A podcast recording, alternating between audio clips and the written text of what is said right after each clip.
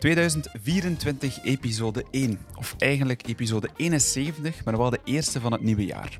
Steven en ik zelf wens je het allerbeste voor dit jaar. Cliché der clichés durven benoemen, een goede gezondheid. De rest komt vanzelf. Wij ook dit jaar verbazen met de line-up van onze gasten. Een boeiend nieuw podcastjaar. En we zitten ook in het nieuw, onze vragen althans. Volledig zelf, tien nieuwe vragen. Klaar om losgelaten te worden op twee straffe dames vandaag. Welkom terug, lieve luisteraars. We hebben jullie gemist. Absoluut. Vandaag verwelkomen Febe Dont in onze studio, een ondernemende duizendpoot. Ze werkte enkele jaren als vertaler copywriter bij een communicatiebureau toen ze overondernemers.be oprichtte. Een community waar ze ondernemers samenbrengt en inspireert. Ze is expert wat personal branding betreft, geeft keynotes, workshops en inspiratiesessies en maakt wegwijs in de wereld van LinkedIn. Ze pakte trouwens heel recent uit met een nieuw merk, Vuurmerk. Dat gaat vonk geven. Team- en leiderschapscoach Sarah Leijzen schreef met de teamleider als cultuurmaker een opmerkelijk boek. Dat boek moet helpen om in elk team een cultuur te creëren waar elk lid de veiligheid ervaart om open te spreken. Ze biedt manieren aan waarbij iedereen gestimuleerd wordt om mee eigenaarschap op te nemen. Als psychologe weet ze maar al te goed dat je plek durven innemen altijd vertrekt vanuit persoonlijke leiderschap. In het boek komen tips aan bod over hoe om te gaan met stress, hoe je de status quo kunt uitdagen en tegelijkertijd je eigen rust en stevigheid bewaart. Welkom, dames. Welkom in onze studio. We nemen deze episode op op 9 januari. Het is min 6 buiten. Zijn jullie fan van de code, Sarah? Ik ben wel fan van een staalblauwe lucht en een Ja. zonnetje. Dat komt er meestal bij, hè? Als het echt heel koud is. Zoals vandaag. Ja, fantastisch. Ben je dan iemand die echt spontaan een keer naar buiten gaat om te wandelen of blijf je meestal lekker warm binnen? Ik probeer dat echt wel te doen. Ehm, ik merk als ik een kwartiertje ga wandelen, dat ik daarna mij veel beter kan focussen. Dus ehm, ik, als ik tijd heb, doe ik dat wel. Ja. Oké. Mm. Febe, we mogen het zeggen, jij bent bij min 6 gaan lopen vanmiddag. Ja, ongelooflijk. Ik heb mezelf overtroffen. Eh, ik heb veel discipline aan de dag moeten leggen om dat te doen. Ja. En het was niet aangenaam. Het was Nee. echt te koud. Maar toch vijf kilometer in de benen. Dus, eh, En wat voel je dat het meest dat het te koud is? Wel, eh, ik vind dat zo heel flatterend als je gaat lopen en het is zo koud. Dan zijn je bloedrood op de plek waar dat je het meeste vet hebt.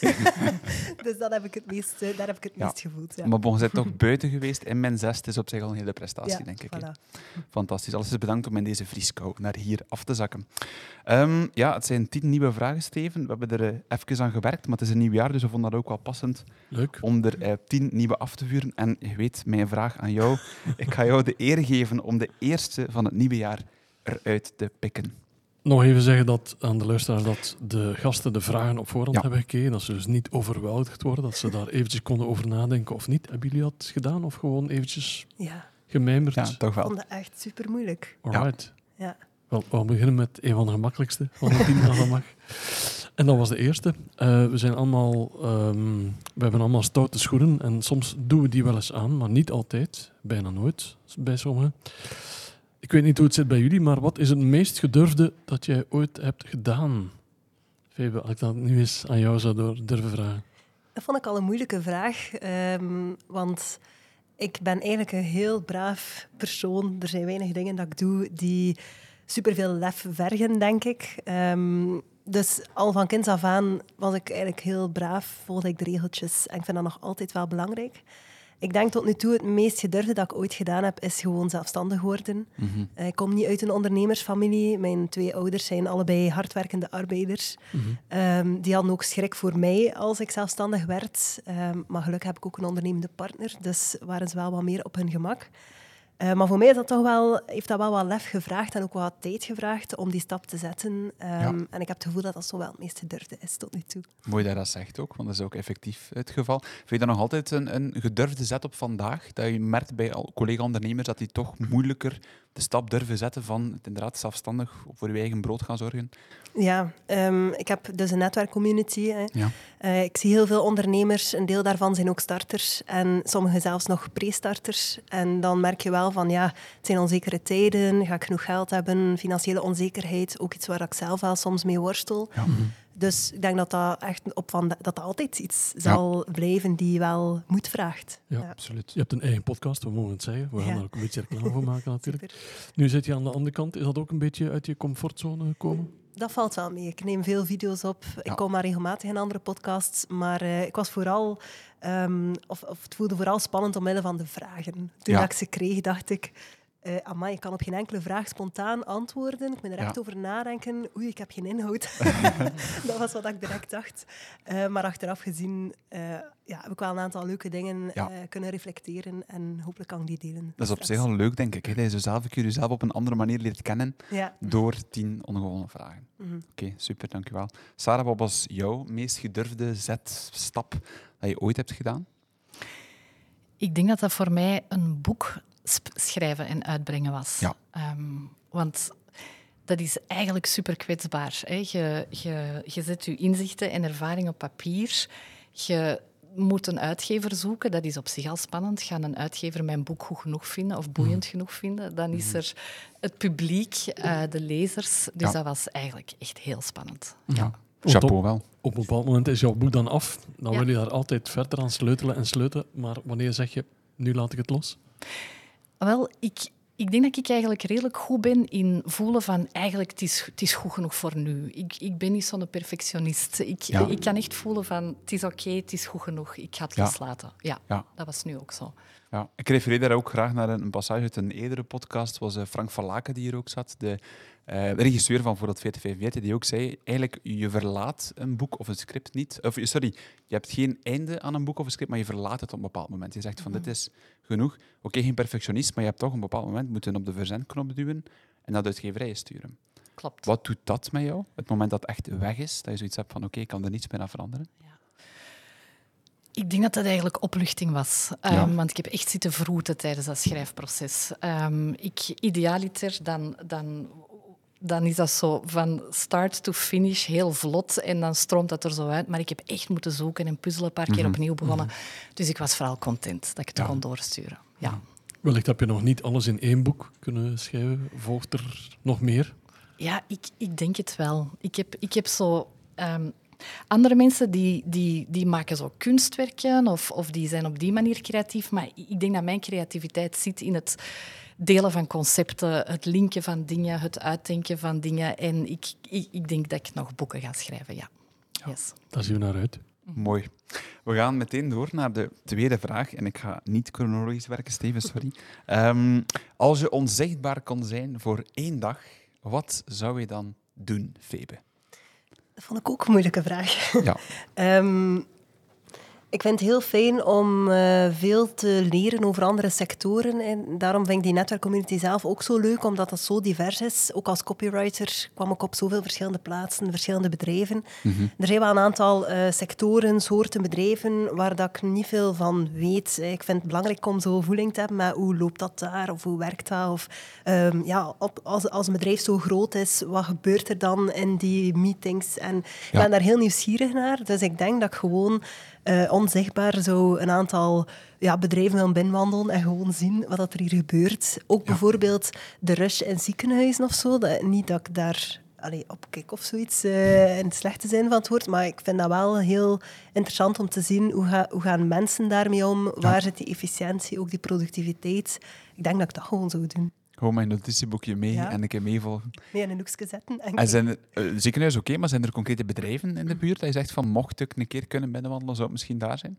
Of gewoon meer bedrijven in het algemeen? algemeen, maar zowel misschien de iets wat grotere of een keer ook non-profit eh, organisaties of VZ2's. Eh, ik, heb, ik heb veel voeling met kleinere KMO's en eenmanszaken natuurlijk. Mhm. Dat is ook mijn eigen doelgroep. Maar alles daarbuiten is zo wat... Ik heb daar geen voeling mee. Ja, Dus eh, ja, oké, mooi wel. Dus het zou een unieke kans zijn, alleszins, voor een keer rond te wandelen. ja. Sarah, we maken jou onzichtbaar. Waar mogen we jou plaatsen? Ah, Wel, het is, iets, eh, het is iets anders, maar ik zou graag mijn dochter zo eens een dag observeren. Hè, want die heeft zo'n hele belevingswereld buiten ons gezin. Die is negen jaar. Ehm, en ik, zou, ik ben eigenlijk super geboeid door hoe gaat die om met haar vriendinnetjes in de klas. Dus dat zou ik graag eens eh, meemaken als ik onzichtbaar ben. Ja, Zou ze jou verrassen, denk je? Allicht, ja. Allicht zal ze heel andere kanten tonen dan dat ze thuis laat zien. Uh, ja, dat, dat wordt echt een persoontje hè, die, uh, die haar, haar, identiteit ontwikkelt. Dus uh, ja. Mm -hmm. Mooi. Zou je het handig vinden van het te hebben, zoiets? Stel je voor dat dat een mantel is dat je kunt opleggen, dat je meerdere keren kunt uithalen, zo'n onzegbaarheidsmantel. Nu moet je Harry Potter geweest te denken. Harry Potter, ja. Zou dat, zou dat willen hebben, zoiets? Of lijkt dat toch iets van eenmalig misschien en dan terug wegleggen? Daar ben ik wel nieuwsgierig naar. Ja, ik zou dat wel heel cool vinden. Ja. Zo'n invis invisibility cloak. Um, ja. ja. dan komt op allerlei plekken hè, waar dat er uh, gesprekken zijn dat je kunt volgen. Ja, het zou cool zijn. Ja. Ik zou het cool vinden om het zelf te hebben, maar ik zou niet graag hebben dat iedereen het heeft. Stel je voor. Moet je altijd opletten wat er gezegd wordt. Ja, ja, ja. ja. ja. ja. Oké, okay, maar laten we zeggen dat je het voor één dag wel een keer mag gebruiken. Het onzichtbaar zijn. Sarah, je hebt al een boek geschreven, maar stel dat er nog een tweede boek komt, los van wat je nu allemaal doet. Um, en stel dat het een autobiografie zou mogen zijn over jouw leven. Um, wat zou dan de titel zijn? En kan je die titel ook een beetje duiden aan onze luisteraars? Ik denk dat het iets zou zijn als... Um, ze was kei bang, maar ze deed het toch. Zo, zoiets. Hè. Zo een beetje gebaseerd op de Engelse titel Feel the Fear and Do It Anyway. Mm -hmm. um, omdat ik, zeker in mijn professionele loopbaan, heel vaak dingen heb gedaan waar ik op voorhand een beetje voor in mijn broek deed, die dat ik spannend vond. Ja. Um, maar, die, maar waarvan ik tegelijkertijd wist, dat heb ik te doen of zo. Of, of die stap heb ik te zetten. Um, ik heb heel wat wendingen gedaan in mijn loopbaan. Um, en elke keer, elke nieuwe stap, voelde ik van, amai, eigenlijk is er een stuk van mij dat heel erg in mijn comfortzone wil blijven. Maar dat is niet wat ik te doen heb. Ik moet net doen waar ik veel schrik voor heb. Mm. Ja. Omdat je bijna zeker bent dat je op je pootjes zal landen? Um, ja, ik, ik, vermoed dat dat er wel is. Zo. Een soort stevig vertrouwen van ik, ik trek mijn plan wel. Hè. Of, of ook als het tegenvalt, dan kan ik wel terug... Um, ja, dan, red ik dat wel. Ik ben ja. eigenlijk niet zo bang van uh, mm. teleurgesteld te worden door iets nieuws. Mm. Ik, ik, ik merk ook dat als ik, um, als ik andere mensen daardoor zeggen van ja, maar op een ander is het gras ook niet groener, dus blijf ik maar hier. Mm. De, ja, ik vind dat soms bevreemdend klinken, omdat ik denk, ja, maar als het gras daar dan niet groen is, dan blijf je gewoon zoeken totdat je iets vindt dat wel ja. groen is of zo. Ja, dus misschien dat wel spannend ook, maar zeker met jouw boek. Hey, op een bepaald moment zeg ik, ik ga een boek schrijven, dat boek komt uit, dat boek krijgt kritiek, goed, minder goed. Ben je daar actief mee bezig? Hoe dat, dat boek in de markt gezet wordt? Lees je dat? Ben je daarmee allee, van je melk van bepaalde zaken of niet per se? Ja, ik, ik, zou liegen als ik zou zeggen dat ik daar niet mee bezig was. Hè. Je, uiteindelijk steekt er een beetje nu hart en ziel in, dus hmm. ik hoop natuurlijk dat dat bijdraagt, dat dat resoneert. Um, Moest er iemand zeggen, Sarah, ik vond er eigenlijk niks aan? Of moest iemand zeggen, goh, nee, het was toch niet helemaal wat ik had gedacht, dan, dan zou dat wel pijnlijk zijn. Ja. Um, ja, ik denk dat dat wel. Net omdat, je, net omdat ik daar mijn hart en ziel in leg, zou dat, zou dat pijnlijk zijn. Ja. Mm -hmm. We hebben het vermeld in de inleiding jouw boek. Uh, de teamleider als cultuurmaker. Stel dat je heel kort reclame mag maken, en dat mag je. Waarover gaat dat boek dan, kort gezegd? Um, het, het, boek gaat over hoe dat je um, als leidinggevende in je team ervoor kunt zorgen dat mensen zeggen wat ze belangrijk vinden of wat het er dwars zit op de vergadering in plaats van aan de koffiemachine in kleine groepjes. Dus hoe dat je zorgt dat er een open communicatiecultuur is. -hmm. Maar ook hoe dat je zorgt dat als er problemen zijn, dat iedereen eigenlijk volop mee blijft zoeken in plaats van te zeggen, ja, maar jij, jij zit de leidinggevende, jij moet dat mm -hmm. oplossen. Dus het gaat echt over gedeeld leiderschap. Mm -hmm. En ook wat dat, dat van u vraagt als teamleider om, um, om soms om te gaan met kritiek en om, om, om te durven die plek echt te pakken als, als cultuurmaker. Daar, dat is in een notendop samengevat. Mm, okay. Voilà, mooi. Dus hebben we toch een beetje meegekregen waarover dat boek gaat. Belangrijk. Febe, als we kijken naar jouw autobiografie, wat wordt de titel? Het is grappig, want Sarah en ik kennen elkaar niet. We hebben niet overlegd, maar ik had ook ik had twee mogelijkheden opgeschreven en één ervan was ze bedacht en ze deed. Heel gelijkaardig. Um, ik ben iemand die heel graag dingen creëert en die het ook doet voor dat het klaar is of voordat ik me klaar voel, omdat ik weet dat dat ook een proces is en ja. dat klaarvoelen, dat komt wel. Mm -hmm. Um, dus ik denk dat dat ook wel iets is waar mensen mee omkennen, die daadkracht en onmiddellijk in die actie gaan. Dat is ook de reden waarom dat mijn coaches blij zijn met mij, denk ik. Omdat ik een schop onder de kont durf geven van kom aan, dat vraagt zoveel inspanning niet, doe het gewoon. En ja. dan zie je wel verder gewoon die eerste stap is zo belangrijk. Eh, dus dat eerste domino-steentje omgooien bij iemand anders, dat doe ik eh, heel graag. Zie je dat zelf ooit doen, je eigen biografie schrijven? Ik denk niet dat dat interessant genoeg zou zijn. Ja, wie weet, Steven, wie weet. misschien wel. Ik, ik denk ook al langer na natuurlijk over, ja, moet ik ook misschien een boek schrijven, zoals dat heel veel kennisondernemers dat doen. Uh, maar ik heb onlangs ook een gesprek gehad zelf met iemand die een boek heeft geschreven, ook voor mijn podcast. En uh, die zei, ja, op een bepaald moment voel je gewoon dat dat eruit moet. Ja. En dat heb ik op dit moment niet. Uh, ik schrijf heel veel content, heel veel cursusmateriaal. Dat zijn vaak bijna boeken, eigenlijk. dus ik heb veel materiaal, maar ik heb zo niet het gevoel dat er nood is misschien aan nee. wat ik op dit moment te vertellen heb over personal branding. Toch niet in een boek. Liever face-to-face, via de podcast, samenwerkingen en zo verder. Voilà. Nu, wanneer ze kan nog komen. Ja. En uiteindelijk hebben we het mooie voorbeeld ook daar al, daar al zitten. Want een boek blijft natuurlijk. Hè. Ja, Andere media gaan verloren of uh, gaan voorbij. Ja. Maar goed, wat online staat, gaat ook nooit meer weg. Dus, uh, nee, klopt. Soms gaat het positief, maar toch, de meeste zaken gaan toch wel uh, blijven bestaan. Goed, we hebben een heel gekende vraag, een klein beetje omgebouwd, laat het ons zo zeggen, tot nieuwe vragen, want ook dat mag in tweespraak. Als je met een historisch figuur combineren, wie zou het zijn en wat zou je vragen? Sarah.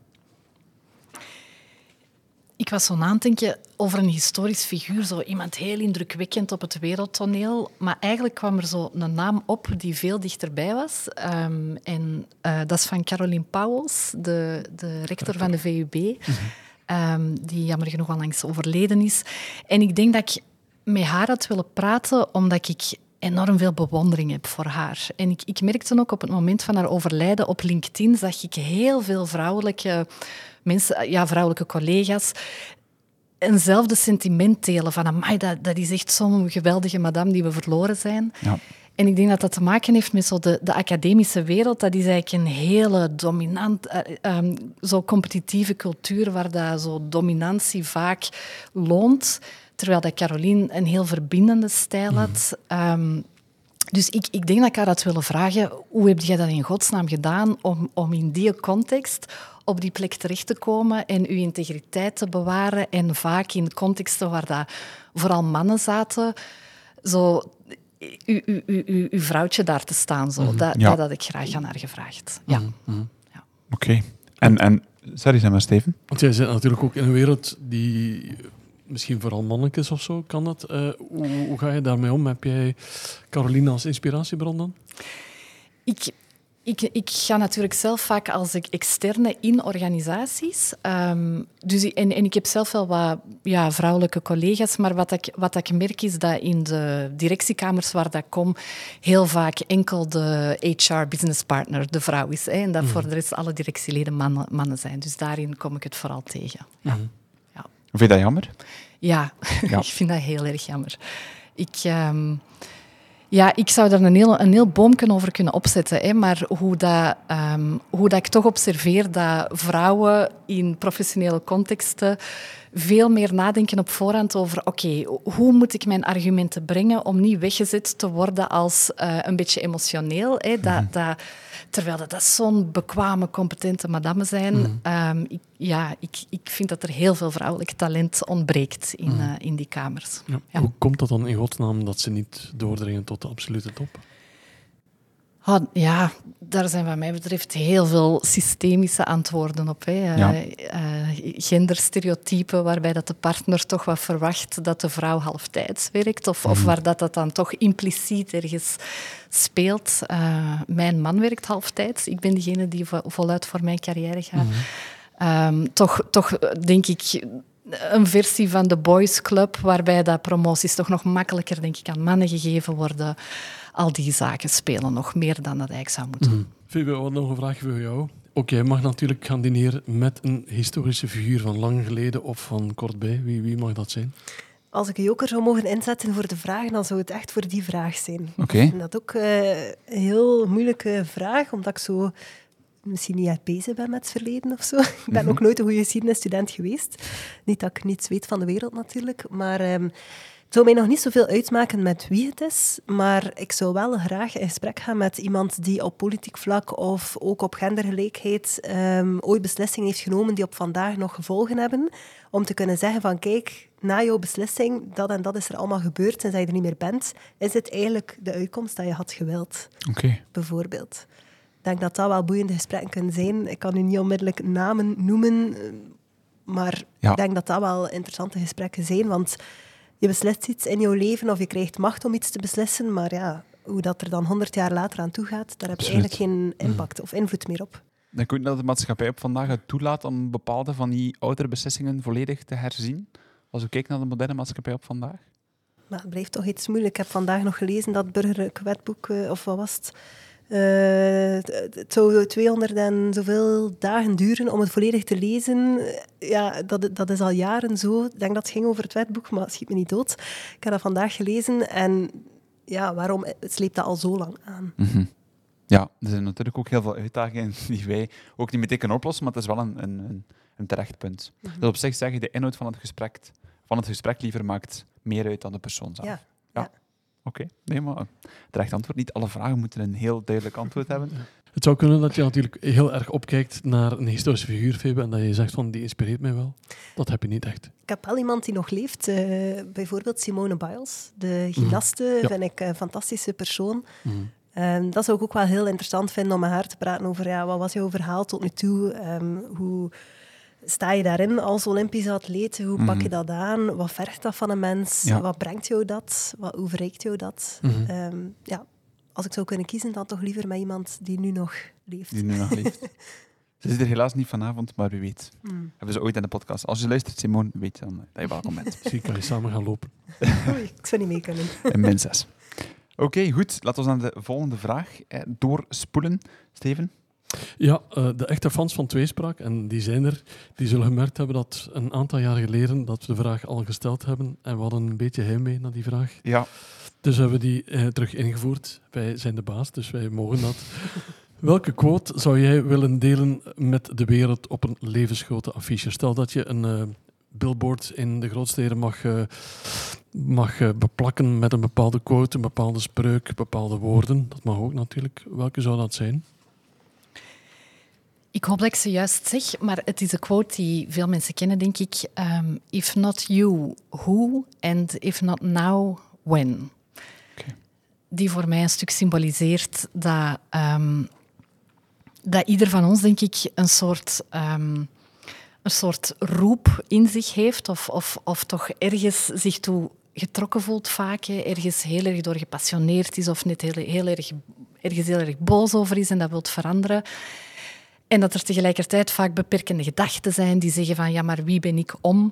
Um, mensen die zich toch nog wat klein houden. Um, en dan, of, of misschien een stukje wachten op, op toestemming of zo van iemand anders. En ik, ik denk dat ik dan zo wil meegeven, maar geef uzelf toestemming. Zo. Ga ervoor. Mm. Luister maar naar dat stemmetje in uzelf. Ja. Ondanks het feit dat je misschien soms drempels over moet? Ja, ik denk dat je altijd drempels over moet als je luistert naar die innerlijke stem. Het, is, ehm, het is, denk ik, ehm, zo het, het, het vermogen ontwikkelen om met het ongemak om te gaan dat altijd volgt als je dromen najaagt. Ik denk dat dat heel belangrijk is. Om leren gaan met teleurstelling of frustratie. Kunnen verdragen dat mensen kritiek hebben. Kunnen verdragen dat mensen iets van u vinden. Ik denk dat dat een van de belangrijkste dingen is die u in het leven kan helpen en bevrijden zelfs. Je kan het ook omdraaien, het positieve ook toelaten. Ja, absoluut. Ook niet zo makkelijk. Nee, soms nog bedreigender. Hè? Zo u, u tonen en, en het, het goede verwelkomen dan. Is, is dat wat je bedoelt? Ja. ja, ja. En zeker dat van vandaag ook, denk ik. En dat we heel vaak bezig zijn met, met de werkpunten, het negatieve en soms in onszelf het positieve niet altijd zien of durven toelaten. En dat dat ook iets is die zwaar onderschat wordt de dag van vandaag. Ja. Ik vind het een heel mooi quote trouwens. Yes. Ik zou hem eh, direct plaatsen. Als ik in mijn aan Times Square vast nog wat plaats over hebben. Febe, heb jij zo'n quote die je levensgroot over de wereld wil verspreiden? Ja, en sluit een beetje aan bij uh, Sarah's quote.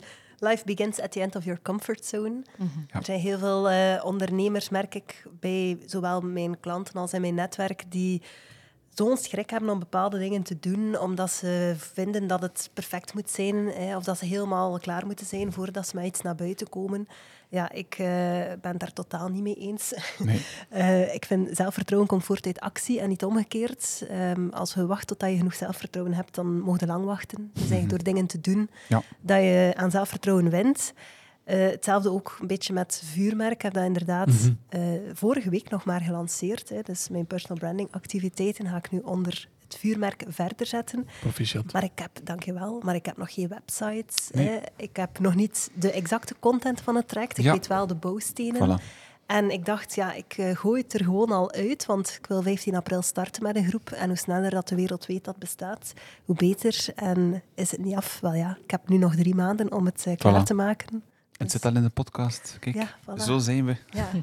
Nee, maar op zich wel mooi dat inderdaad zegt dat op dat vlak dat we, denk ik, te veel bezig zijn met het feit van afgewerkte producten af te leveren en pas dan erover uit te pakken. Maar dan Ja. denk ik een beetje aan de, quote van Nike van just do it. Van als je iets hebt, een goed idee, stuur het al even uit en uiteindelijk hoeft het niet perfect te zijn. Nee. Dat er ook een heel belangrijke ondernemersles is. En ook wat voor jou eh 100% is, of wat voor jou 80% is, is misschien 100% voor iemand anders. Ja, waar ligt iedereen's lat ligt anders. Dus, eh, Zeker. want ik denk, als ik een vraag mag stellen aan Sarah, voor jouw boek ook. Ja, je hebt het moeten versturen naar de uitgever voor het af was, kan ik mij inbeelden. Hoe, hoe gaat dat proces van beslissen dat je een boek wilt schrijven en dan het versturen en hopen dat iemand het oppikt dan? Of... Mijn traject is misschien een beetje atypisch, omdat ik mij heb laten begeleiden door een schrijfcoach en in die zin echt een afgewerkt manuscript kon doorsturen. Ah, ja. Ja. Eh, en in de toekomst zou ik inderdaad een soort draft moeten sturen. Ehm, Ja. ik denk als je wacht totdat je het idee hebt en nu is het goed genoeg, ehm, dat je soms gewoon verlamd geraakt en niks Ja. opstuurt. Ja. Als ik daar nog kort iets mag aan toevoegen Zeker. ook. eh, misschien gewoon een tip voor de mensen die ook soms workshops geven en, en dergelijke. hè. Ehm, ik krijg soms ook de vraag van, bijvoorbeeld volgende week donderdag mag ik een workshop gaan geven aan freelancers. Dan krijg ik een vraag van, eh, daar en daar mag het over gaan. Ik stuur nooit een afgewerkte presentatie door, Nee. want dan steek ik daar al je tijd in. Ik stuur eigenlijk na de eerste krijtlijnen al een draft door ook en vraag van, kijk, is dit wat jullie verwachten? Anders is het nu het moment om mij feedback te geven. Hè. Ja. Ja, dat is ook een beetje uit de comfortzone komen en de kans hebben. En, en die, die is zeer reëel, van ja, dat of dat nog bijsturen of dat is nog niet wat het moet zijn. Maar ik denk dat het ook een, ehm, belangrijk is om niet alles altijd zo persoonlijk te nemen. Nee. Maar vooral ook weer een verhaal te schrijven. Ja. En te zeggen waar je zelf ook comfortabel in voelt. En niet altijd comfort is inderdaad soms een keer buiten die gekende Ja. bubbel of zone. Mooi, mooie quote. Dankjewel. We gaan ze een keer doorsturen naar de redactie van alle kranten ter wereld. Goed, ehm, volgende vraag. Wie, dat is een nieuwe vraag. Wie of wat liet je ooit wenen van het lachen? Ik kan me voorstellen dat dat een redelijk moeilijke vraag is, omdat dat echt zo'n specifiek moment is, maar ook die vragen zitten erin. Sarah, heb jij zo'n momentje er kunnen uitpikken uit dat leven? Ik moet eigenlijk wel vaak lachen met eh, sociaal incapabele Michiel van de ideale wereld. Daar moest ik eigenlijk aan denken, aan Michiel. Ja. Ik, kan, ik kan de ideale wereld echt heel erg appreciëren. Soms gaat dat er echt los over, maar tegelijkertijd brengen die zoiets dat ook zo uniek is. En, en ja, ik, ik ben fan van Michiel. Mhm. Missen we een beetje het absurde in het dagelijkse leven ook? Zoals Michiel Ja, uit. Ja, ik denk, denk het wel. Ja. Of, of ik, ik merk toch dat, dat in mijn leven dat ik... ehm, dat, dat, dat, dat, die humor en die speelsheid soms zoek is. Hè, van waar bouw ik dat Ja. in in mijn leven? Dan ben ik blij dat er zoiets is als de ideale wereld. Ja, Mhm. Maar bij Michiel zit er ook wel een beetje maatschappij, eh, maatschappijkritische zeker. opmerkingen en zo. Komt dat er voldoende uit, vind je? Ehm, het maatschappijkritische bij Michiel? Want je zou kunnen zeggen, de humor is natuurlijk leuk en de boodschap verdwijnt daardoor een beetje. Ja. Goh, ik denk net omdat het zo grappig is dat ze een doelpubliek bereiken. Ik denk dat heel veel jongeren kijken die net ook betrokken zijn op die, op die maatschappelijke thema's. Dus ik denk dat ze wel een combinatie vinden die heel erg aansluit. Mhm. Ehm, Ja. ja, Ik vind het ook een leuk programma trouwens. En Ella Leijers dat ook heel goed doet als gastvrouw. Dat absoluut. is ook een heel mooi voorbeeld van iemand die echt iemand top vervangen heeft, vind ik. Want uiteindelijk, Ja. Otto Jan heeft dat lang gedaan. Ja. Maar ik vind het een prachtige switch dat ze daar doorgevoerd hebben. Ja. Dat ze daar al langs ook een, een prijs voor gewonnen heeft, denk ik. Zou Ja. kunnen. Dus, Eerst, eh, eerst was er nog heel Jaap van der Wal. ja, voilà, kijk. Ik sla iemand over. Dus zo goed Ja. ben ik mee. Ehm, En zijn, zijn stemmetje is ook wel leuk, omdat hij beetje irriteert, maar Absoluut. op die manier trekt hij dan extra de aandacht natuurlijk. Het draagt heel erg bij aan, Ja. eh, aan, aan de humor. Hè? Ja. Mhm. En dat hebben we altijd moeten kunnen, zeker in de maatschappij van vandaag, van bepaalde zaken met absurde humor ook te benaderen. Dat het toch iets is, een, een luxe dat we dat kunnen. Mhm. En toch ergens plaatsen in hoe dat we er zelf naartoe kijken. Heb, heb jij iets met absurde humor, Febe, of helemaal niet? Nee, Dat kan. Nee. dat kan. helemaal niet eigenlijk. Nee. Nee. De- ik, eh, er zijn weinig zo van die komieken of comedians waar ik echt mee moet lachen. Ehm, mijn man zegt altijd, je hebt geen gevoel voor humor. Het zou wel kunnen. Ehm, maar als ik moet antwoorden op de vraag, dan, eh, dan vind ik dat vooral heel dicht bij, bij mij, in mijn eh, dichte sfeer. Mijn mama bijvoorbeeld heeft een heel aanstekelijke lach. Eh, ik heb al heel vaak geweend van het lachen, gewoon omwille van die lach. En ook wel eh, om de dingen die ze doet of zegt, waardoor Ja. dat we zo moeten lachen. Of het is met mijn papa dat we lachen. Ja, Die kan niet goed luid hard lachen, dus die heeft dan pijn in zijn kaken. Dus die begint zo te wenen van, van het zeer en dan zitten wij te wenen van het lachen. En, ja, dat bijvoorbeeld. En ook met mijn man Maarten. Ik denk dat er geen enkele avond is dat wij naar bed gaan voordat we nog een keer goed gelachen hebben. Met de stomste dingen. Eh, eerst vaak met de tandenborstel in onze mond. Dat is ook hilarisch altijd. ja absoluut. Dus ja. Ik had er langs iemand die zei, wat de beste wensen ook, meer slappe lach ja. in 2024. Dat is toch fantastisch. De slappe lach hebben Mhm. en even niet meer bijkomen van het lachen, dat zo'n klein beetje pijn begint te doen in de buik. Ik vond dat een fantastisch gevoel. Wordt er veel gelachen in jullie werkomgeving, of is dat een serieuze wereld? Want ik kom natuurlijk uit een heel andere wereld. Het onderwijs.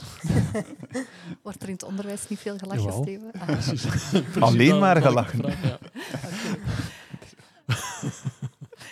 Ehm, goh, ja, als ik met, met fijne collega's... Veel van mijn collega's zijn ook vrienden, dus uiteraard eh, wordt er dan wel gelachen. Ja, ik, eh, ik denk dat een van de beste dingen aan mijn job is dat ik samenwerkingsverbanden kan aangaan met mensen die ik gewoon graag heb en waar dat ik volgaarne een dag mee op café zou gaan. Dus Voilà. eh, ja.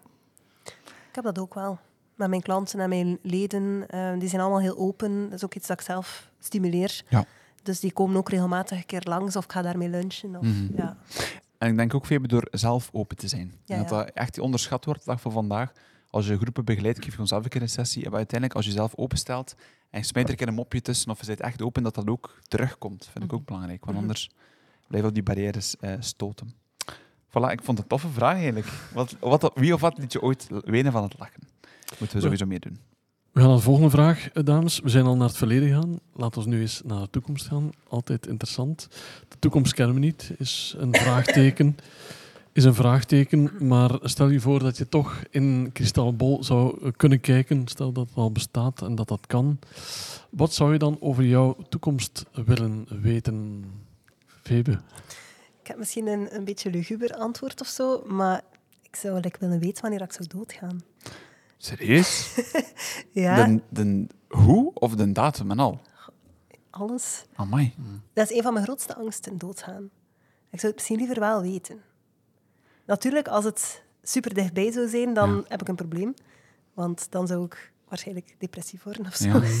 Want ik wil nog superveel doen. Maar als ik zou weten van, ja, Febe gaat 90 jaar worden en gezond zijn, Mhm. dan zou ik veel onbezorgder leven, denk ik. Mm. Denk je dat? Ik denk dat wel. Maar Zou je dat niet ook- Ja, ja. ik vind dat ook wel een, een, een, een, een interessante vraag. Zo, als je weet wanneer dat je sterft, wat voor impact heeft dat dan op hoe dat je je nu voelt? Zo, ik, heb, Ja. ik heb geen idee. Mhm. Ja. Ik stel me dan de vraag, sowieso doen ik dat je zo aftelt aan een skivakantie met het aantal dagen die aftelt, zo op die een app installeren. Want eh, Ja. ja. het is al onlangs, denk ik, of onlangs een paar jaar geleden, een keer een film van gemaakt, dat mensen dat echt wisten, het einduur. Maar pas op, ik vind het super boeiend dat je zegt, ik zou dat eigenlijk wel willen weten, maar zou je dan, denk ik, rustiger zijn, dat je weet van, stel nu inderdaad 90 jaar, ik heb nog zoveel jaar, zou je er meer uithalen? Misschien wel. Ja. Ik zou wel zeker rustiger zijn. Mhm. Als ik weet dat het nog lang is. Allee, als ik weet dat ik gezond oud ga worden. Oh. Maar natuurlijk, als ik weet van ja, volgend jaar ga je een auto-ongeluk hebben. En wel, ik ga daar misschien refereren naar een vraag die er vroeger in zat. Stel dat je nu ziet dat je volgend jaar sterft, zou je het dan totaal anders beginnen doen? Of, of? Goh. Ik zou... ehm, een, van, een van de zaken waar dat ik het meest van wakker lig, is ook financieel. Terwijl dat ik eigenlijk niks te vrezen heb of zo. Hè. Dus het is niet Mhm. dat ik een slechte financiële situatie heb, maar het is wel een onzekerheid. Mhm. Eh, dat komt ook voor een stukje wel door opvoeding en dergelijke. Ja. Ik heb nooit iets tekort gehad, zeker niet. Maar wel veel uitspraken als, dat kost wel veel geld. Je moet er keihard voor werken. Ja. Enzovoort. Hè. Er is geen geld over.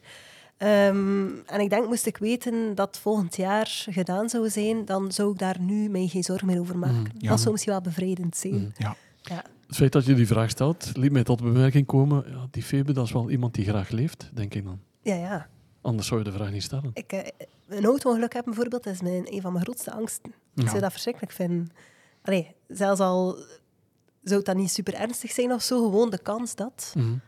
Ja, ik leef inderdaad heel graag. En kan u dan bijvoorbeeld, ik vind het wel interessant, over mannen, dat je bijvoorbeeld zegt, ik denk maar iets aan een ja, risicosituatie als in een vliegtuig bijvoorbeeld, of, of dan niet? Ik vlieg niet veel. eh, ik denk dat het kans op een auto-ongeluk veel groter Ja, is. eh, absoluut. dat is zo. Ehm, maar ik heb wel... Ik, ik ga bijvoorbeeld niet graag in de spits ver rijden Ja. waar dat ik het niet ken. Ook misschien een angst die ik een beetje meegekregen heb van eh, mijn mama eigenlijk. Mhm. Die, als ik nu zeg, ik moet naar Brussel of naar Antwerpen, dan zegt hij, "Goh, ik zou het liever niet weten Ja, dat je zo ver ja, moet. Terwijl dat is echt zo ver eigenlijk niet. Eh, Nee. ik, heb al veel, ik heb al veel stappen gezet daarin. Eh, ik was daar, dat was vroeger echt wel ook een, een angst die ik meegekregen heb. Eh, Ik ben een beetje aan het afwijken. Hè. Nee, nee, dat mag. Ja, ik ben de vraag vergeten. Nee, nee, maar ik inderdaad, ik ben inderdaad mijn eigen vraag vergeten. We waren inderdaad bezig over het feit dat je... of dat mij overmand. Ja, of dat u vermand. Zeer goed. Ja, ehm, maar ik- ik heb mij wel altijd verplicht van, ook al heb ik daar nu schrik voor, ik moet daar zijn. Febe stapt in een auto en Ja. denk daar nu niet te veel over na. Mhm. Eh, maar ik ben altijd heel alert in de auto, ja. Ik ben, ben wel een assertieve chauffeur, maar wel een heel voorzichtige. En zou je eh, dankbaar zijn mocht het vandaag stoppen? Voor hetgeen dat je al gehad hebt? Dat is, dat is echt een moeilijke vraag. Nee. ik heb nog niet genoeg Nee, eruit nog niet gehaald. genoeg gehad. Het beste moet nog komen. Ja, ik ben nog maar dertig. Absoluut. Absoluut. Leef bij dan 30. Sarah, we gaan het ook eens aan jou vragen. Je kijkt in een kristalbol. Wat, wat wil je weten over jezelf in de toekomst of over anderen? Dat mag ook. Ik heb, ehm, ik heb grote plannen nog. ehm, en ik, ik denk dat ik gewoon al eens vijf jaar verder zou willen kijken om, om eens te zien hoe zijn die plannen verlopen. Als ik zo nu vijf jaar terugtel, dan zou ik dan ook echt helemaal... ehm, ik, ik denk niet dat ik toen had gedacht dat ik mijn eigen boek had geschreven nu Ja. en mijn eigen zaak had en zo'n coole Mhm. dingen aan het doen was. Dus zo, wat dat je zei, het, het moet nog beginnen of zoiets, zo voel het ook. Mhm. er, er gaan nog veel coole dingen gebeuren. Het beste moet nog komen, Het zei ik, beste ja. moet nog komen, dat is Maar stel je voor dat je dat kon eigenlijk, dat je effectief gewoon kunt een deur binnenstappen en zo vijf jaar verder even kijken, hoe zit dat hier? En dan je beslissing daarop baseren. Zie ik het zo dan? Of niet per se? Goh, maar dan kom je weer bij die filosofische kwesties, hè, want dan ga je van alles zien en dan ga je Ja. misschien an- dingen anders beginnen doen en dan kunnen we daar heel lang over doorbabbelen, denk ik. Ja, maar, eh, ja, ja, ja. Ehm, maar ik ben wel benieuwd hoe het eruit zou zien. En het beste moet nog komen. Kan je dat concreet maken of is dat nog een vraagteken voor jou? Ehm, ik, ik ben... ehm, Febe, is al, eh, Febe is al een tijdje bezig met haar eigen podcast, begrijp ik. Ja. Ehm, ik ga de mijne starten. Ehm, ik moet ook nog de naam bedenken en dat soort dingen. Maar dat zijn details. Ik weet wat ik wil brengen. En ik, ik, ik begin dan echt letterlijk te wippen op mijn stoel, omdat ik daar zoveel zin in heb. En ik weet ook dat dat zo ook een domino-steentje gaat zijn dat dingen in gang zet. Zo. Dus er gaan nog veel domino-rijtjes in gang komen en ik weet niet waar ze gaan eindigen. En daar word ik Ja. Blij van. En wordt een podcast met tien niet-alledaagse vragen of iets anders? Goh, wie weet, maar dan zou ik jullie natuurlijk eh, wel heel hard nadoen. Ehm Drie spraak. driespraak, ja. ja. Ah, wel, eh, ik, ehm, de, de precieze vorm moet nog uitkristalliseren, maar het concept zit wel al helder in mijn hoofd. Ja. Vertel. Als je wil. Ah, wel, ik, ik zei daarnet al, zo, waar dat ik echt heel veel energie uit haal, is zo een stukje concepten verbinden aan elkaar. En natuurlijk, doordat ik leiders coach, ehm, hoor ik heel vaak waar dat die op vastlopen. hè. Ik, ik, ik zie heel, of ik, ik kom veel alledaagse dingen tegen die zij vertellen, waar dat zij zoekend in zijn. Dus ik, ik denk dat ik gewoon een podcast wil brengen die daar een stukje inspiratie, antwoorden op biedt, maar op zo'n heel laagdrempelige, relatable manier. Eh, niet vanuit een hoge toren, maar vanuit de praktijk. Ja. Mooi. Voilà. Om Ik ben daaruit blij te dat we de primeur mochten ervaren hier. Yes. Voelt goed? Vier, eh, vier podcastmakers rond één tafel. Absoluut. Ja, absoluut. Mooi. Ik voel de energie stromen. Dat is nog nooit gebeurd. Nee, denk het ook niet. Wat is het waardevolste advies dat je ooit hebt gekregen, Febe? Ja, het sluit aan bij mijn eh reisstress, eh, dat ik vroeger meer had, gelukkig dan nu. Ja. Ehm, en een bijkomende angst of stress dat ik dan had, was waar ga ik moeten parkeren? Ja.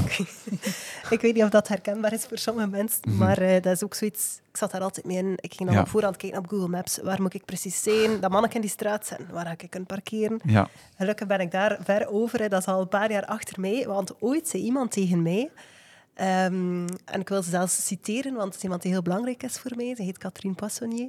Uh, zij is eh, coach en psychologe en trainer, gespecialiseerd in het enneagram. Uh, ja. Dat komt misschien straks nog in een volgende vraag Ja. terug in mijn antwoord. En zij zei ooit tegen mij, Febe, heb jij ooit uw auto al moeten meenemen naar binnen? Ja. Nee. Dus er is altijd een oplossing. En dat heeft mij gewoon geholpen om alles veel meer te relativeren. Wat is eigenlijk het ergste dat kan gebeuren? Er is altijd een oplossing. Dus eh, als ik nu stress rond iets heb of onzeker ben over iets, dan denk ik daaraan terug en dan denk ik, ja, het is eigenlijk waar. Waar maak ik me toch zorgen over? Absoluut. Ja. Het is wel grappig, want dat is ook een quote dat mijn eigen moeder vaak gebruikt. Als Ja. mijn grootmoeder hetzelfde zegt, van nee, waar gaan we hier parkeren? We hebben nog nooit met onze auto moeten binnengaan of op onze rug zetten, dus we gaan wel plaats vinden. Dat is zalig. Hij vindt ook altijd plaats. Ja. Altijd. Ja, niet altijd voor de deur, maar Nee, nee, dat is nee, niet maar zo erg. absoluut. absoluut. Was je dan vroeger meer een controlefreak? Of, of Ja, ik heb nog zeggen? altijd wel graag controle, ook nu bijvoorbeeld. Hè. Ik ben gewend van het gesprek zelf te leren. Ja, het is een beetje Mhm. overgeven natuurlijk. eh, en en het, de flow volgen van wat jullie aanbrengen. Mhm. Ehm, maar ik, het is niet dat ik er wakker van lig of zo als ik niet de controle heb. En ik denk dat Nee. dat ook iets is door ouder te worden of zo, dat ik dat makkelijker kan, Ja. kan loslaten. Ja. Oké, wel boeiend. Sarah, als we het even aan jou vragen. Wat is het waardevolste advies dat je ooit hebt gekregen? Heeft ook te maken met een auto of iets totaal anders? Nee, het heeft eh, niks te maken met auto's. Ehm, het advies was iets in de aard van ehm, wat de andere mensen over u denken, dat zijn eigenlijk uw zaken niet. Ehm, en ze dat was ook een coach hè, en ze vernoemde dat omdat een rode draad in onze gesprekken was vaak dat ik zo bij, mijn, bij de keuzes dat ik overwoog om te maken, dat ik vaak zo begon na te denken, ja, maar wat gaat die ervan vinden? Of, of gaat die dan niet teleurgesteld zijn? En, en zo, dat hield mij tegen om de dingen te doen dat ik zelf wou. En ze zei dat zo op een moment dat ik het echt kon horen en dat heeft zo een heel bevrijdend effect gehad. Zo. Ja, dat zijn eigenlijk mijn zaken, niet wat andere mensen van mij denken. Eigenlijk heb ik ook heel weinig invloed op wat dat iemand anders over mij denkt. Absoluut. Dus het is echt gewoon verspilde energie. En eh, ja, ik, ik, dat, dat was wat ik op dat moment moest horen. Ja. Hoe komt het toch dat zoveel mensen daar toch mee bezig zijn? En dat zo moeilijk kunnen loslaten? Wat denken anderen van mij?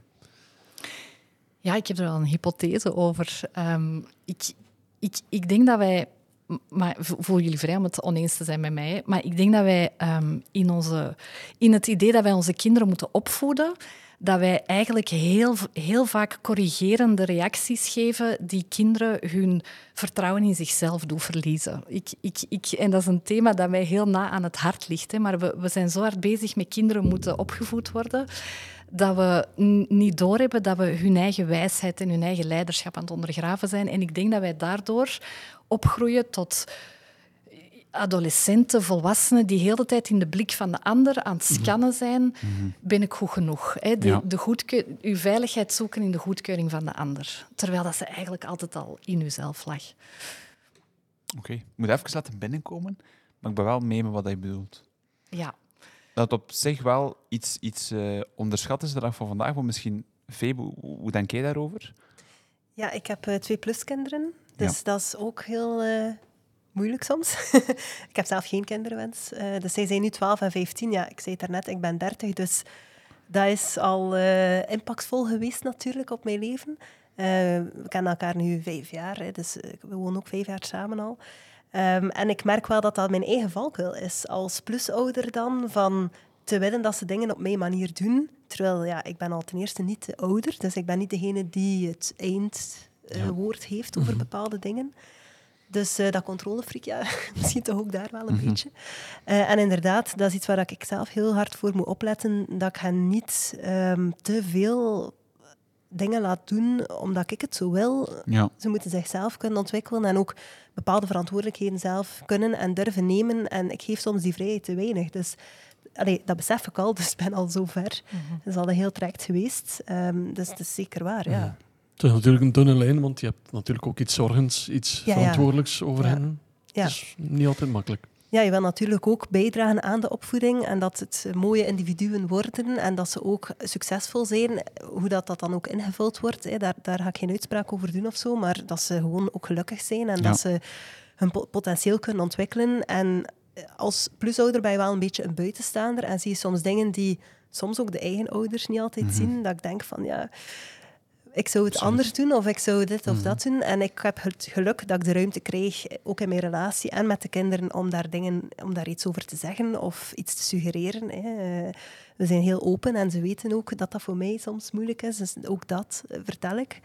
Ehm, maar ja, het is wel een feit dat we kinderen soms nog iets meer vrijheid moeten geven, denk ik. En Ja. minder willen dat ze worden zoals wij of zo. Mhm. Ja. Want het is wel echt een, een, een probleem, vind ik, dat van vandaag. Dat er heel veel mensen in zitten, maar wat dat ze van... Dat ze denken van, wat, van, wat vinden de mensen van mij? En zelfs daarvoor bepaalde beslissingen of zaken niet gaan doen of niet voldoende doorvoeren. Maar eigenlijk is dat absurd. Dat we niet staan waarvoor dat we staan, omdat we constant inzitten met mensen die over onze schouder meekijken, terwijl ze eigenlijk misschien niet zo judgy aan het meekijken zijn, maar dat we dat ergens inbeelden. Of die zelfs vaak helemaal niet met u bezig zijn. Ja, absoluut. En toch geven die zoveel plek in, eh, in ons hoofd of in ons hart. Ja. Ja, ik heb ook, allee, om nu te verwijzen naar de vraag van daarnet, ik heb jullie bij de onzichtbaarheidsmantel niet horen zeggen, ik zou een keer in mijn eigen gezin kijken, of in mijn eigen bedrijf kijken, om te horen wat ze over mij zeggen als ik er niet ben. Omdat dat eigenlijk iets zou zijn dat we niet moeten mee bezig zijn. Dat we moeten bezig zijn met wat we graag doen, en vooral goed doen. Absoluut. Dus, eh voilà. Mooi, kijk. En we gaan helaas, ik ga de eer aan Steven laten om er een van de twee laatste vragen uit te kiezen, maar we gaan wel naar de laatste vraag van deze avond. Moeilijk, moeilijk. We gaan eindigen met iets positiefs, want zo zijn we wel. Ehm, we krijgen graag cadeautjes. Dat hoort bij de mens. We geven ze er graag, we krijgen ze graag. Maar wat is het beste, het mooiste, het leukste cadeau dat je ooit hebt ontvangen? En ook waarom, Febe, als we daarmee kunnen eindigen? Ik ga terugkomen op de dame die ik daarnet aanhaalde, Katrien. Ehm, toen ik nog in loondienst werkte, ik werkte voor Maarten, mijn man. Ik ga een heel lang verhaal zelfs niet vertellen, het doet er niet toe. Eh, maar ik mocht een opleiding volgen eh, als werknemer. Hè, en dat was een Enneagram-opleiding. Ik weet niet of dat jullie gekend zijn met het eh, Ja. model, de negen persoonlijkheidstypes. Ik was toen ehm, vijf of 26, denk ik. Eh, en ik struggelde wel met een aantal zaken. Een paar zaken heb ik ook aangehaald al eh, eerder in de podcast. En ehm, dat was een tweedaagse opleiding en ik ben super dankbaar dat ik dat mogen volgen. Ik heb ze ondertussen nog een keer gevolgd en ook een vervolgopleiding gevolgd over instincten. Eh, want ik heb mijzelf daar echt leren kennen en vooral ook ehm, het gevoel had van oké, ik ben effectief, of ik zit in elkaar zoals ik dacht dat ik in elkaar Ja. zat. Want ook daar, ik, zo, ik, ik ben heel anders dan mijn ouders ook, dus ik vond altijd zo wat raar van... ik herken niet veel van mijn ouders karakter in, in mezelf. Ehm, dus dat was een hele openbaring. De eerste dag zat ik daar echt met mijn mond open van oké, nu is nu wordt alles duidelijk, nu vallen die puzzelstukken in elkaar, omdat ik wist, dit is dus blijkbaar mijn basistype en, en Ja. dat, is- dat verklaart heel veel. Ehm, en alles wat ik daarna gedaan heb rond persoonlijke ontwikkeling is voor mij echt een cadeau geweest. Ehm, omdat anders zou ik ook niet tot de inzichten komen rond de pluskinderen bijvoorbeeld, dat ik anders, Ja. die zou ik anders niet hebben. Dus eh, alles rond persoonlijke ontwikkeling heeft mij al veel gebracht. Oké, dank u Maarten voor het Ja. cadeau. Nee, absoluut. Ja. Dat is een hele mooie dat je het ook zegt. En dat het ook belangrijk is om, dat, dat niet veel mensen dat misschien doen, hun eigen type kennen, Ja. maar eigenlijk zou iedereen dat moeten weten, Ja. denk ik. Hè. En zoveel mensen die daar weerstand op hebben, dan denk Mhm. ik, kom aan. Kun je het meest uit je leven halen als, als je niet weet hoe dat eigenlijk echt in, in elkaar zit? Ja. Als je daar niet eens over wil nadenken. Misschien zijn sommige mensen bang van zichzelf en de confrontatie. Ja, zie wel. weet. Misschien Ja. ook omdat er heel veel van die tests zijn. Dus Ja. de vraag is ook van welke is de ja, beste of welke is de juiste voor mij. Je moet er echt een opleiding bij volgen. Ja. Niet enkel een testje doen en dan een documentje krijgen van dit is jouw type. Nee. Nee, je moet de uitleg echt wel krijgen van iemand die erin onderlegd is. Ja. Eh, en het leuke aan die opleiding was dat je altijd met een 10 à 15 personen bent, meerdere mensen van hetzelfde basistype. Je bent natuurlijk veel meer dan dat ene type. Je bent Mhm, een combinatie mhm. van heel veel dingen. Iedereen is anders. Maar je kunt dan ook ervaringen uitwisselen met mensen van, met een ander basistype of van hetzelfde. En zo van, ah ja, je hebt dat ook. Oké, Mhm. ah, wow, nu snap ik waarom dat iemand met die karaktereigenschappen zo reageert, bijvoorbeeld. Mhm. Ja. Terwijl we daar anders ons geen vragen bij stellen en alleen Nee, maar nee, nee. weerstand voelen Mhm. van dat is niet hoe dat ik ben. Mooi. van- zijn dan zo van die testjes dat je vindt in de boekjes bij de kapper? Nee, helaas niet, Steven. maar helaas niet. Best niet, eigenlijk. Nee. Goed zo. Sarah, we gaan de vraag ook ik aan eh, jou stellen. Wat is het mooiste, leukste, fijnste cadeau dat je ooit hebt ontvangen? Waarom? Ik heb ehm, het boek. ehm, ik ben even aan het zoeken naar de titel. Ik denk. ehm, ja, ik weet, de precieze titel ben ik kwijt, maar het is het basiswerk van Marshall Rosenberg. Marshall Rosenberg is de grondlegger van geweldloze communicatie. Mhm. Ik heb dat boek gelezen en ik ben, ehm, dat was voor mij een enorme aha-ervaring. En ik, uh, ik ben me dan eigenlijk helemaal beginnen verdiepen in dat gedachtegoed. En dat heeft mijn leven veranderd. Dat klinkt nogal dramatisch, maar het is wel zo. Dus dat was zeker een heel belangrijk cadeau voor mij. Ja. Kan je het even, ik ben er zelf vertrouwd mee, maar even heel kort uitleggen hoe dat geweldloze communicatie werkt? Ja, um, in plaats van te zeggen wat dat je vindt van iemand anders, gaat je uitdrukken wat er voor u belangrijk is. Dus het helpt u om uit de verwijten en de schuldinductie te blijven en uit de, ja, meer te gaan naar behoeftetaal. Marshall Rosenberg zegt eigenlijk van wij zijn allemaal opgegroeid met een taal die een stukje gewelddadig is, omdat het vaak vanuit schuld vertrekt. Mhm. En hij heeft een model ontwikkeld waarbij dat je heel kei eerlijk kunt zijn, echt zo dingen kunt zeggen die best spannend zijn, maar zonder dat op een verwijtende manier te doen. En dat is ja, dat is iets revolutionair, vind ik. Ja. ja. Die heeft heel veel betekend. Voor mij en voor heel veel mensen, denk ik. Is dat dan iets dat je elke dag ook meeneemt naar jouw leven en naar jouw contacten met andere mensen? Ja, ja. vandaag belde er, um, belde er een vriendin en ik wist dat ze met iets zat naar mij. Hè, iets dat ik uh, had gedaan of eigenlijk niet had gedaan. En vroeger zou ik dat soort gesprekken, ik zou, uh, ik zou mij kei klein en onzeker gevoeld hebben. Dat zou mij zo in mijn, uh, in mijn basis raken. Maar nu kan ik denk ik veel makkelijker de behoeften horen van de ander, mijn behoeften verwoorden. Dus dat geeft heel veel, ja, wat is het woord? Veel stevigheid en, en, en, um, en comfort of zo, om dat soort spannende gesprekken te voeren. Ja. Voilà. Marshall Rosenberg. Ik vond het op zich ook een spannend gesprek die we vanavond gehad hebben. Het is het einde van deze aflevering. Wat vonden jullie er zelf van, Febe? Ik vond het heel fijn. Het is, uh, het is een keer iets anders dan uh, andere gesprekken die ik al gedaan heb of dat ik zelf uh, voer. En het was, het, was, het was eigenlijk wel heel kwetsbaar. Als je één iets zou meenemen uit de podcast, wat zou dat dan zijn? Sarah, ik vind dat je een enorme fijne stem hebt om naar te luisteren. Dat was uh, heel leuk met de hoofdtelefoon op. Ja. Dus uh, ik denk dat dat voor de luisteraars thuis ook wel heel fijn gaat zijn om uh, naar te luisteren. Ja. Absoluut. merci, merci Febe. Sarah, voor jou? Ja, ik, ik ken jullie natuurlijk nog niet. Hè. Um, Febe, ik had u wel al op LinkedIn gezien, hè. Um, maar verder ken ik jou ook niet. Ik denk, wat ik eruit meeneem is dat zo met drie mensen dat ik niet ken babbelen over het leven um, super verbindend werkt en dat dat gewoon kei tof is. Ja. Fantastisch. Alles is bedankt ook om uh, tot hier te komen vanavond. Bedankt. En we gaan jullie bedanken. Febe, je hebt het al gezegd. Het was niet zo eenvoudig om jou kwetsbaar op te stellen. Dus we zijn jou dankbaar, want dat zijn cadeautjes die wij krijgen. Die we mogen delen met de wereld. Dat is ook wel belangrijk. Dus super merci. En ik herken me wel in wat je zei daarnet, zo, dat dat heel verbindend werkt. Ook al kennen we elkaar niet of nauwelijks. Uh, Het mhm. blijft zinvol. Hè. Er wordt gemenst in deze uitzending. Ja, absoluut. En we hebben eigenlijk ook al, dat kunnen we ook al meegeven aan het begin, dit jaar zeker al twintig episodes vooruit gepland, Steven. Ze zijn volop bezig met de guestlist te vullen. Uh, en ik zei het daarnet nog tegen Sarah, het is geen leugen, eigenlijk is het voor ons, ook langs onze kant, pure ontspanning. We kunnen niets anders doen dan luisteren naar fijne mensen die verhaal komen brengen. Dus eigenlijk is dat... Ik hoop dat we het nog jaren kunnen doen, tot in 2064. Ja, dat moet lukken. Als we dan nog niet weten wanneer we gestorven zijn, Ik wil jullie alles bedanken voor jullie aanwezigheid vanavond um, en voor jullie fijne gesprekken. En ik zou zeggen tot binnenkort. Tot tweespraak. Tot tweespraak.